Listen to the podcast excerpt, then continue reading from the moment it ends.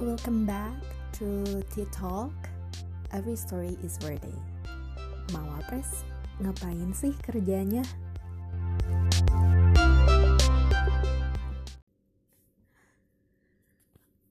Halo semuanya.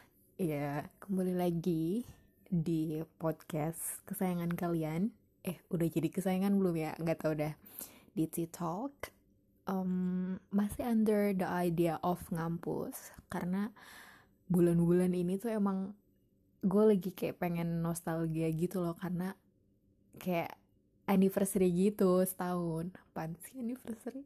Oke okay, pokoknya intinya adalah gue kayak pengen bahas hal-hal di sekitar dulu pas gue masih ngampus yang mungkin sebenarnya banyak di stereotip typin sama orang-orang. Kayak kemarin gue bahas tentang skripsi udah tuh ya sama tetek bengeknya lah. Kayak lulus wisuda dan semacamnya. Dan menurut gue uh, kalian bisa dengerin itu juga sih kayak gitu. Nggak cuma buat mahasiswa akhir yang lagi skripsian buat kalian yang belum justru I really recommend to uh, listen into it ke podcast gue yang sebelumnya tentang skripsi oke okay, dan sekarang gue mau bahas sesuatu yang um, gue rindukan lainnya. Gue tuh kalau ditanya apa sih yang paling lo kangenin di kampus, ya selain tetek bengek skripsi, ya mau apres asik. Terus ya debat segala macam sih. Nah makanya sekarang gue mau bahas tentang mau apres ngapain sih kerjanya asik. Kenapa sih gue bahas ini? Kenapa judulnya kayak gini? Karena gue juga mau nanya sih ke kalian kayak apa yang terlintas di pikiran lo ketika lo mendengar kata mawapres atau mahasiswa berprestasi banyak kali ya tapi jujur ya waktu gue masih ngampus dan jadi mawapres sekitar tahun tahun 2018 tuh kayak ada sih kayak nasty nasty komen ke mawapres kan kita kalau ngelihat mawapres ya nih biasanya citranya tuh wih mahasiswa berprestasi prestasinya banyak um, suka keluar negeri misal ya banyak exposures internasionalnya. Terus dia tuh jago public speaking jago bahasa Inggris jago apa jago jago M jago. Pokoknya stereotype yang um, munculnya tuh kayak gitu ya which is itu sebenarnya positive. Tapi ternyata ada juga sih yang kayak nasty comment. Dan ini sebenarnya tujuan gue bikin podcast juga untuk meluruskan kesalahpahaman itu sih kayak waktu itu ada deng yang nanya ke gue kayak mau pres tuh ngapain sih kerjanya? Cuman habis menang terus gini-gini. Terus bahkan eh, some seniors told me kayak ngapain sih ikut ma mapres mau pres gitu gak guna kayak gitu. Terus gue kayak ada juga yang bilang sumpah kak mau pres di fakultas gue gak ada gunanya banget. Abis menang ya udah ngilang. Ada yang bilang gitu. So ada yang bilang apaan sih mau wapres? Formalitas doang ya. Kayak yang penting lo pinter dan semacamnya bisa jadi mau wapres. Kayak emang prestasi harus yang menang-menang gitu ya? ya banyak lah selentingan. Itu some of selentingan yang gue capture ya. Terus kayak bahkan gue pernah juga sih di diwawancarain sama beberapa orang yang katanya sih nulis tentang mawapres. Terus kayak dan tulisan ataupun apa sih interviewnya itu emang sangat-sangat kayak melihat mawapres tuh sesuatu yang useless gitu loh. Sesuatu yang useless yang kayak oh ya udah lu, lu kayak cuman menang dapet trofi dapet hadiah dapet title udah kayak gitu. Nah terus kayak gue questioning emang emang segitu banget gak gunanya? Gitu. Terus gue kayak cuman mau bilang kayaknya yang ngomong gitu tuh mainnya kurang jauh ya jujur aja. Atau lo tuh nggak pernah bener-bener kenal sama anak mawapresnya menurut gue sih. Gitu. Karena banyak hal yang gak lo tahu gitu tentang perdunia presan asik. Nah makanya dengerin podcast ini. Kayak gitu. Gue lagi nggak ngebela anak mapres enggak. Tapi sebenarnya juga ada beberapa hal yang setuju sama beberapa komennya. Kayak misalkan komen yang tadi um, gue nggak bisa bilang mereka salah. Ya hak mereka juga komen. Cuman menurut gue ada beberapa komen yang menurut gue kayak baseless gitu sih. Tapi ada juga yang kayak gue setuju misal Mawapres tuh cuman title doang gak sih? Ya menurut gue bener sih, Mawapres tuh bukan occupation, bukan pekerjaan kayak lo jadi presiden, jadi camat, jadi kedua RT, bukan. Atau Mawapres juga bukan jabatan juga, gak bisa lo gimana-gimana juga. Nah somehow itu gue setuju, cuman tadi ada beberapa assumptions yang baseless yang menurut gue yang harus gue luruskan kayak gitu. Siapa sih tak lu sok-sokan mau ngelurusin? Ya hak gue dong gitu. Kan gue tujuannya baik untuk tidak memberikan uh, black and white-nya doang dari sebuah posisi. Ada abu-abunya kayak gitu. Oke lanjut. Nah kayak tadi. Ya intinya kalau gue rangkum pertanyaannya adalah sebenarnya orang-orang tuh penasaran mau pres tuh kerjanya ngapain sih? Karena kayak kalau lu udah menang lu berprestasi ya udah kayak gitu. Oke okay ya sebenarnya jelas ya sesuai namanya mawapres. Mahasiswa berprestasi. Ya mahasiswa-mahasiswa yang punya prestasi.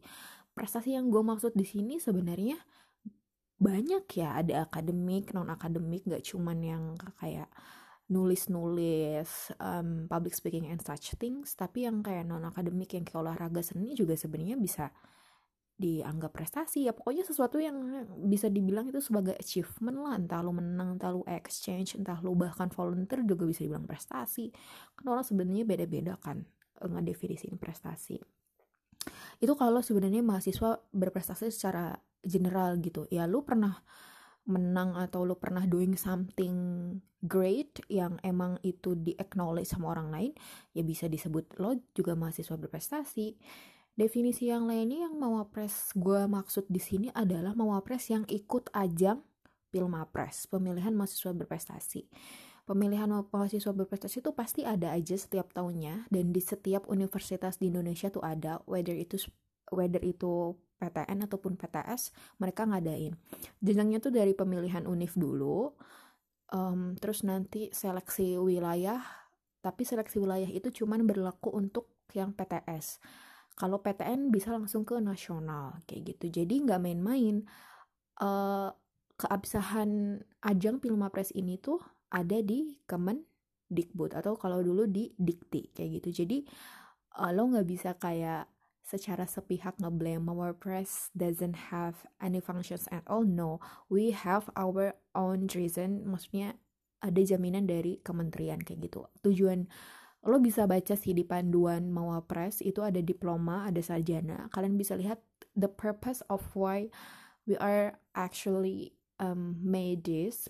Tujuan dari kenapa sih ada yang namanya Pilmapres, ada yang sebut kita Mawapres kayak gitu tuh ada tujuannya. Kalian bisa baca sih sebenarnya panduannya.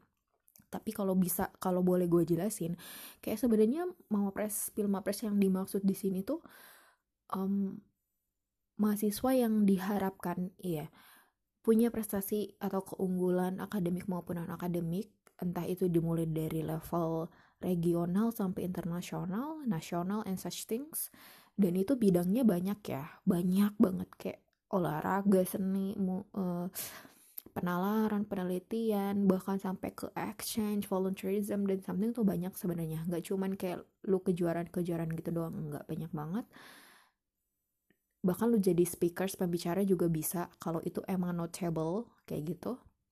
Terus lo harus punya juga um, nilai akademik yang bagus. Nggak harus kayak IPK lo harus 4 enggak. Tapi at least ya sesuai standar lah kayak tiga and such things. Terus uh, lo punya juga kemampuan berbicara atau soft skill yang bagus kayak public speaking sosialisasi negosiasi kayak gitu yang bagus terus juga lu punya uh, kemampuan bahasa asing sebenarnya kemampuan bahasa asing di sini nggak harus bahasa Inggris doang lah misalkan lu bisa Mandarin, um, Jepang dan semacamnya itu juga bisa jadi acknowledgement. Terus lu juga yang paling penting adalah personality. Nah Mawapres tuh nggak cuman kayak harus pintar doang tapi lu juga harus punya personality yang baik. Maksudnya baik tuh kayak um, lo punya jiwa sosial yang tinggi lo etikanya baik kayak gitulah yang yang emang universal value yang harus dimiliki sama semua orang juga sih sebenarnya. Nah oke okay, itu ya. Requirements requirements yang harus dimiliki seorang mawapres dalam ajang pilmapres banyak banget kan? Iya banyak banget. Makanya emang gak semua orang bisa qualified untuk ikut pilmapres atau bahkan terpilih jadi mawapres kayak gitu it's such a long process orang bilang kayak mawapres tuh yang penting lo menang Enggak, sebenarnya mawapres itu is about process. Kayak gue pernah bikin tulisan tentang ini juga. Udah lama sih tahun 2018. Kayak itu tuh nggak kayak sehari jadi. Jadi kayak lo memupuk itu dari awal, dari awal tuh akhirnya jadi. Kayak gitu. Nah, itu Pilmapres secara general ya requirements dan semacamnya. Nah, balik lagi ke masalah stereotype dan Mawapres itu ngapain kerjanya. Aduh, kalau gue sendiri kalau ditanya apa yang terlintas di otak gue ketika misalkan ngomongin Mawapres, gue ingetnya Papras. Iya, yeah, halo Papras. Papras ganteng. Itu dosen pembimbing Pilmapres di UNJ. Iya, yeah, apa kabar? Gue juga mau nyapa sih teman-teman Mawapres gue, terutama yang 2018 ya, yang angkatan 2018 apa kabar? gue harap sih kalian dengerin ini sih kayak sambil nostalgic dan teman-teman yang um, lain yang dengerin ya gue sangat appreciate karena mungkin kalian juga penasaran gitu sebenarnya mau pres ngapain kerjanya gitu oke okay, balik ke masalah stereotip itu oke okay, mau pres ngapain sih kerjanya oke okay. Lu kalau nanyain mau pres ngapain kerjanya fungsinya apa terus lo menuntut kontribusi to be honest yang masalah tadi selentingan kayak gak ada kontribusinya gak ada gunanya gue cuma mau jawab simpel sih. Kayak ya emang mau wapres bukan kerjaan bukan jabatan yang gak bisa lu tuntut responsibility-nya gitu. Mau wapres tuh ya dia cuman title, cuman gelar yang disematkan sama beberapa mahasiswa yang emang mempunyai kriteria kriteria kriteria requirements tadi yang gue bilang. Akhirnya udah gitu dia di kasih gelar itu kayak semacam apresiasi oh ya udah lu mau pres satu mau pres dua dan seterusnya. Mau pres bidang ini mau pres bidang itu kayak gitu.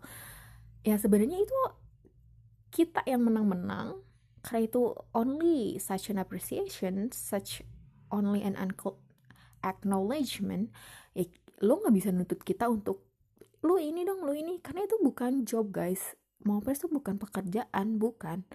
Kecuali kalau job dia ada require uh, bukan requirements ada kayak semacam responsibility-nya ya.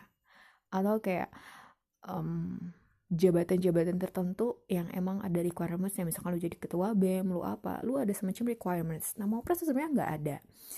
Tapi kalau bilang mau pres gak ada kontribusi ya nggak begitu juga kerjanya. Bukan berarti mau pres gabut. Sebenarnya mau pres tuh masalah beban moral sebenarnya. Beban moral ketika lu disebut sebagai mahasiswa berprestasi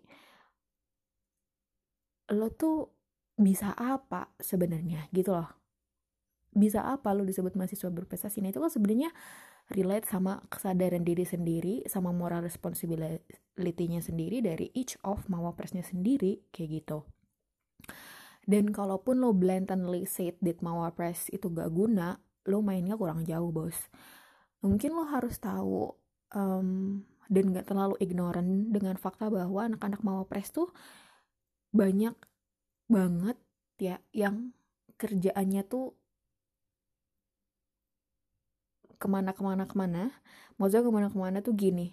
Mereka tuh ada yang punya komunitas mereka tuh ada yang jadi relawan mereka tuh ada yang ya udah jelas ya kalau yang sering keluar negeri tuh banyak banget. Kayak mau prasangkatan gue tuh Agus tuh yang sering buat keluar negeri conference kayak gitu. Ada juga yang um, papernya dipublish di mana-mana terus ada juga yang juara lomba debat. Ya gue jadi inget Ais Angapuro. Eh Ais Angapuro teman debat gue. Terus kayak ada yang olahraga kayak Apple terus Noval yang bikin KTI terus bikin aplikasi segala macam terus banyak dah banyak. Maksudnya nggak gabut. Kalau ditanya ngapain kerjanya nggak gabut. Terus ngomongin beban moral justru secara nggak sadar tuh mau apres tuh kayak tadi karena beban moral tadi kayak kita tuh terkadang dihadapkan sama ekspektasi-ekspektasi yang beredar gitu loh dari dari sekitar kayak ya emang ngopres tuh harus baik harus bisa harus serba bisa harus yang kayak menginspirasi ya nggak salah sih dan itu menurut gue bagus ya. Iyalah ketika lo dikasih suatu acknowledgement akan lebih baik dan berguna gitu. Ketika lo menggunakan acknowledgement itu untuk good purposes salah satunya ya nge-encourage orang untuk gak harus untuk sama-sama berprestasi enggak tapi minimal mereka jadi individu yang berkembang gitu. Makanya banyak dari anak-anak mengopres yang tadi gue bilang ada yang bikin komunitas ada yang bikin um, semacam aplikasi, research dan semacamnya itu sebenarnya buat feedback ke society ataupun at least ke kampus lagi gitu. Terus apakah ketika mereka menang kejuaraan itu tidak berguna? Berguna, berguna lah at least buat dirinya sendiri. Makanya berguna banget buat kampus, kayak menjaga nama baik kampus dan semacamnya.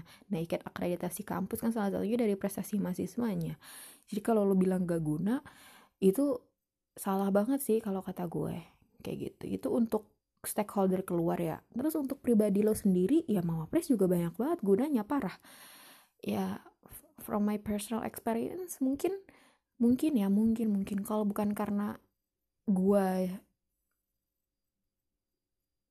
mencoba untuk menjadi mawapres terus akhirnya dikasih acknowledgement itu mungkin gue nggak akan bisa dapet privilege dengan mudah.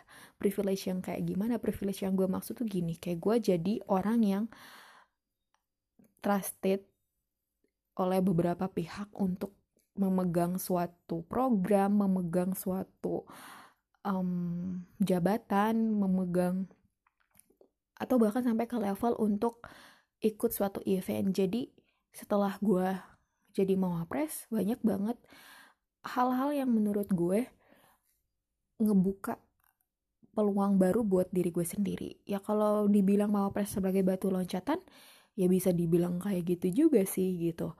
Kayak akhirnya gue dapet tadi kesempatan-kesempatan yang gue bilang tadi gitu, dipercaya sama dosen, dipercaya sama orang-orang kemahasiswaan kayak gitu.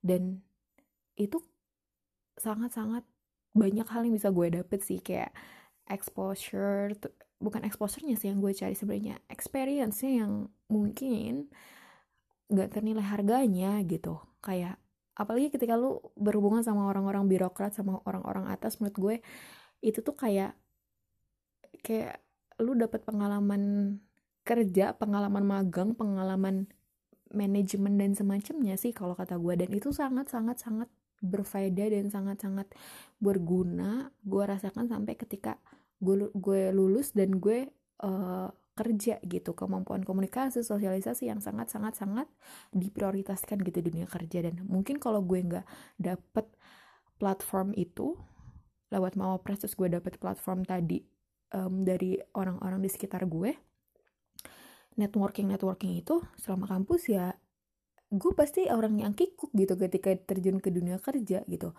Walaupun gak bisa dimunafikan bahwa gue bisa aja dapat skill-skill itu di luar gitu loh ya kan? Tapi kan gue lagi ngebahas gimana mau ngapres shaped my personality dan uh, my work ethic sampai sekarang kayak gitu sih.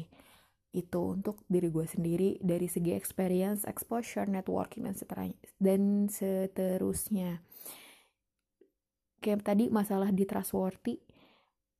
Kayak terutama ketika gue skripsian itu kayak karena ya udah dosen-dosen udah kenal gue gitu. Jadi ketika gue skripsian gue bersyukur banget gitu. Ya lo bisa bilang ini privilege silahkan gitu. Lo bisa bilang ini gue um, apa namanya? Gue kayak apa selain privilege tuh disebutnya aduh tuh kan gue lupa ya Allah. Nih oke kalian mau bisa privilege mau bilang itu privilege silahkan. Tapi instead of being privilege ya gue hanya bilang itu the perk of being seseorang yang trustworthy gitu. Kayak waktu gue skripsi ya udah karena dosen-dosen udah tahu gue gitu udah ada labeling yang positif dalam hal ini mau dan semacamnya alhamdulillah apa-apa dimudahin apa-apa dipercaya ketika let's say ngajuin proposal oh ya udah ayo gitu. Minta ACC cepet gitu. Kayak dosen tuh udah kayak oh ya udah gitu. Ayo kayak gitu. Gue ngerasain bangetnya pas lagi skripsian sih kayak apa-apa dimudahkan terus apa-apa kayak gak ditanya macem-macem gitu.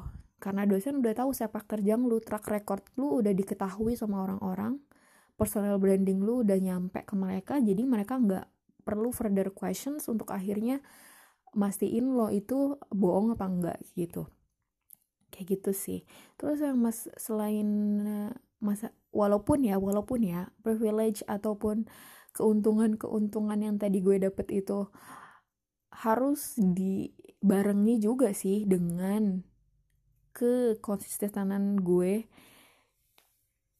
ketika disebut jadi mopres maksudnya gimana? Ya semua itu nggak gratis gitu gue dapet. Semua itu nggak bisa take it for granted. Ibaratnya uh, tadi proses yang gak instan buat jadi mopres terus akhirnya gue um, dapet gelar itu bukan gelar sih ya semacam pen, semacam acknowledgement itu ya gue juga sebenarnya ya harus kayak membangun citra diri gue nya juga bagus gitu. Nggak bisa kayak lu mentang-mentang udah jadi mapres ya udah gitu. Tapi lu juga harus ngebarengin lu deserve gak the title? Lu deserve gak dipanggil mapres kalau lu jadi mapres tapi kelakuan lu abal-abal ya apa ya apa gunanya? Kayak gitu. Ya ya gue mencoba untuk tetap behave dengan positif di prodi membuat uh, mencoba untuk kayak tetap gue gak bilang gue harus jadi manusia yang sempurna ngambis atau gimana ya di depan dosen enggak tapi gue mencoba untuk kayak menjadi orang yang positif gitu di depan mereka kayak gitu. Oh ya walaupun ya gue kan gue juga ada aja kebodohannya gitu. Kayak pernah banget waktu di kelas juga sama dosen ditanya sama Pak Ivan sih? Itu seringnya gue nggak bisa jawab. Terus kayak uh, gue juga bukan gak bisa jawab sih gue jawab. Gue tuh selalu berusaha jawab tapi karena jawabannya tuh emang kayak nggak di nggak menurut dosennya tuh nggak kayak masuk akal. Terus kayak Ivan cuma ngetawain gue doang gitu. Terus apakah gue merasa gue nggak worth it atau gak berguna sebagai mapres? Enggak lah. Kan gue bilang mapres is not about one single thing gitu tapi banyak gitu. Terus kayak teman-teman gue juga nggak yang ngejudge gue aneh-aneh ibaratnya ini mau apres kok bodoh nggak bisa jawab gitu. Enggak gitu. Tapi kan gue bilang gue bukan nggak bisa jawab gue jawab tapi cuman kayak jawabannya tuh bodoh gitu. Aduh ya gitulah ya. Oke tadi ya yang bisa dirangkum adalah mengenai tadi uh, perksnya ketika untuk diri sendiri untuk lingkungan mau opres tuh ngapain sih kerjanya kayak gitu.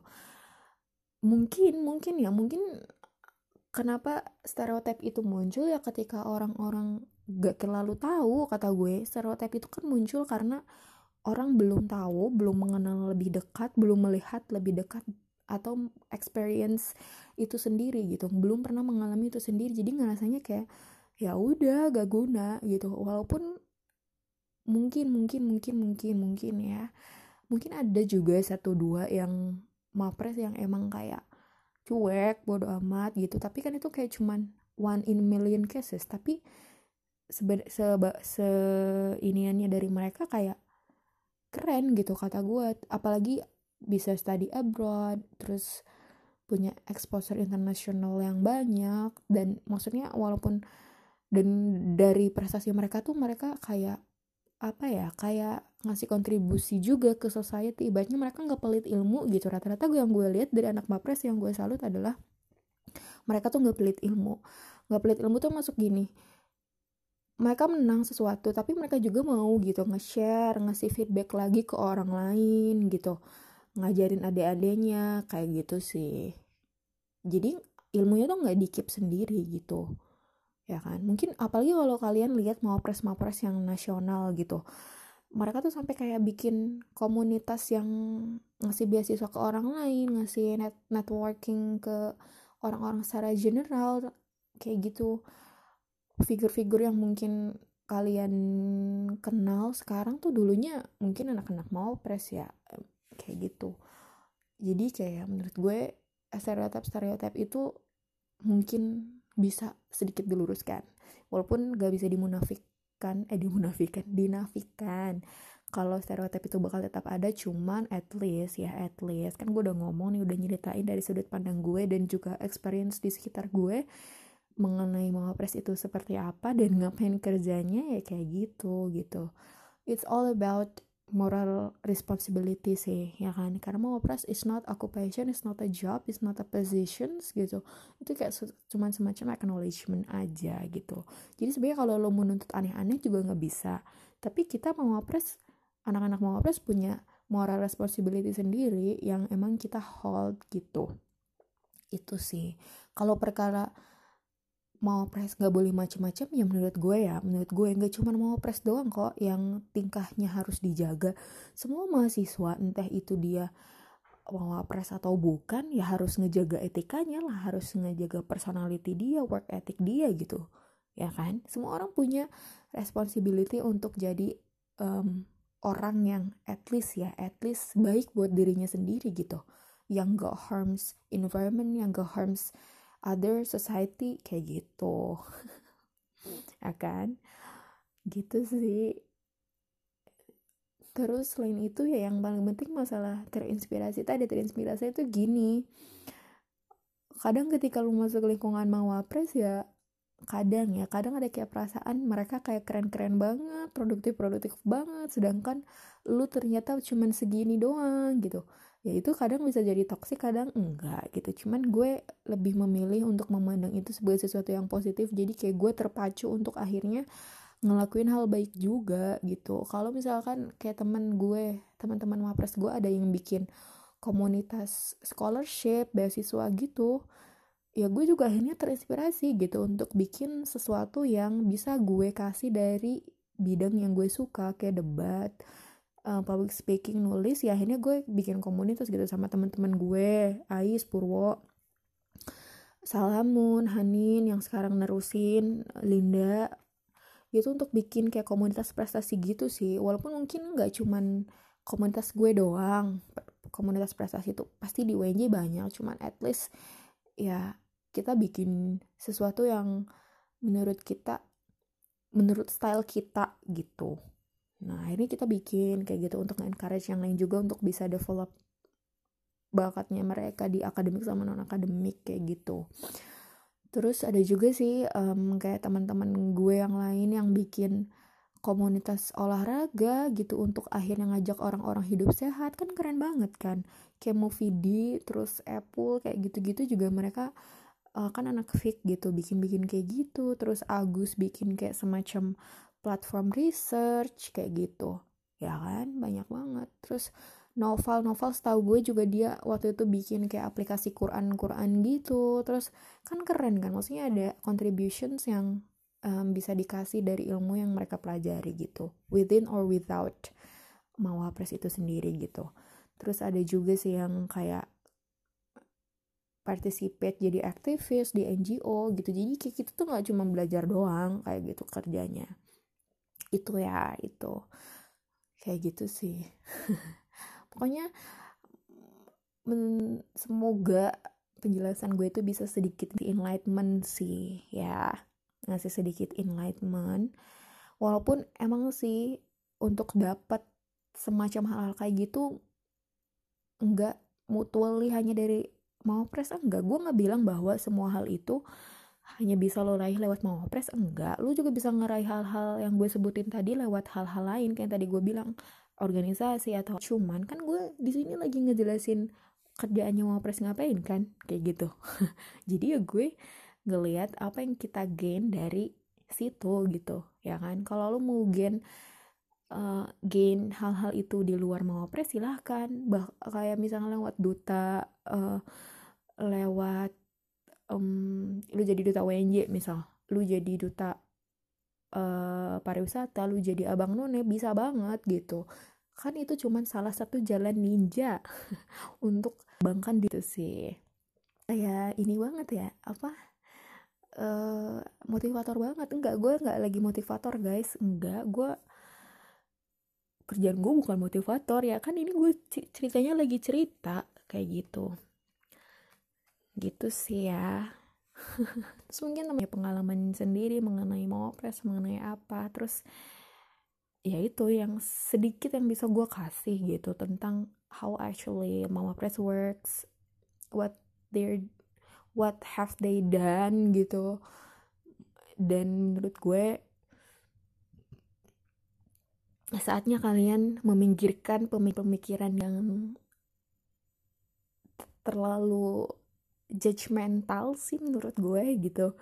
Terlalu kayak nge-harm banget satu sisi menurut gue itu nggak bijak sih. Saatnya kalian melihat sesuatu tuh pakai view yang berbeda kayak gitu. Makanya gue tuh selalu menanamkan sama diri gue sendiri untuk kalau lo nggak tahu apa-apa tentang sesuatu you better shut up you better um, diam gitu. Atau kalau lo ingin mengetahui tentang sesuatu ya lo cari tahu lo nanya kayak gitu. Makanya coba nanya gitu mau pas tuh ngapain sih kak? Jangan daripada lu throwing head comment nasty comment gitu menurut gue kayak itu gak elegan sih ya kata gue gitu. Oke. Okay. dan satu lagi lo bisa tetap terus berprestasi kok ya.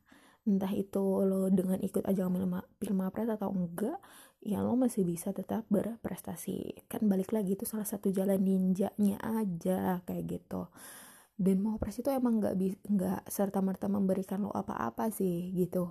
Jujur aja gitu. Ketika lo lulus mungkin yang lo rasakan adalah nggak terlalu ngefek banget gelarnya ya tapi experience dan pengembangan yang lo dapat selama proses itu yang akan berguna. Kayak misalkan enak banget tuh yang angkatan kemarin angkatan 2019 dapat pelatihan bahasa Inggris gratis ya kan? Anak-anak mau ngapres iri banget gue nah itu kan sebenarnya mungkin mungkin ya mungkin kalau lo nggak mau nggak mau ngapres mungkin ya mungkin. Belum tentu lo dapet itu gitu. Sedangkan kalau pelatihan TOEFL kayak gitu-gitu kan lumayan mehong kan kayak gitu. Dan itu sebuah privilege sebuah keuntungan yang menurut gue kayak once in a while kayak gitu sih. Ya terus pasti banyak lagi sih. Mungkin kalian dapet tawaran research dapat tawaran apa-apa pasti banyak um, good things yang bisa kalian dapat dan berikan juga kayak gitu. Asik gue udah kayak mama dede. Ya pokoknya kayak gitu gitulah guys. Dan ya gitu.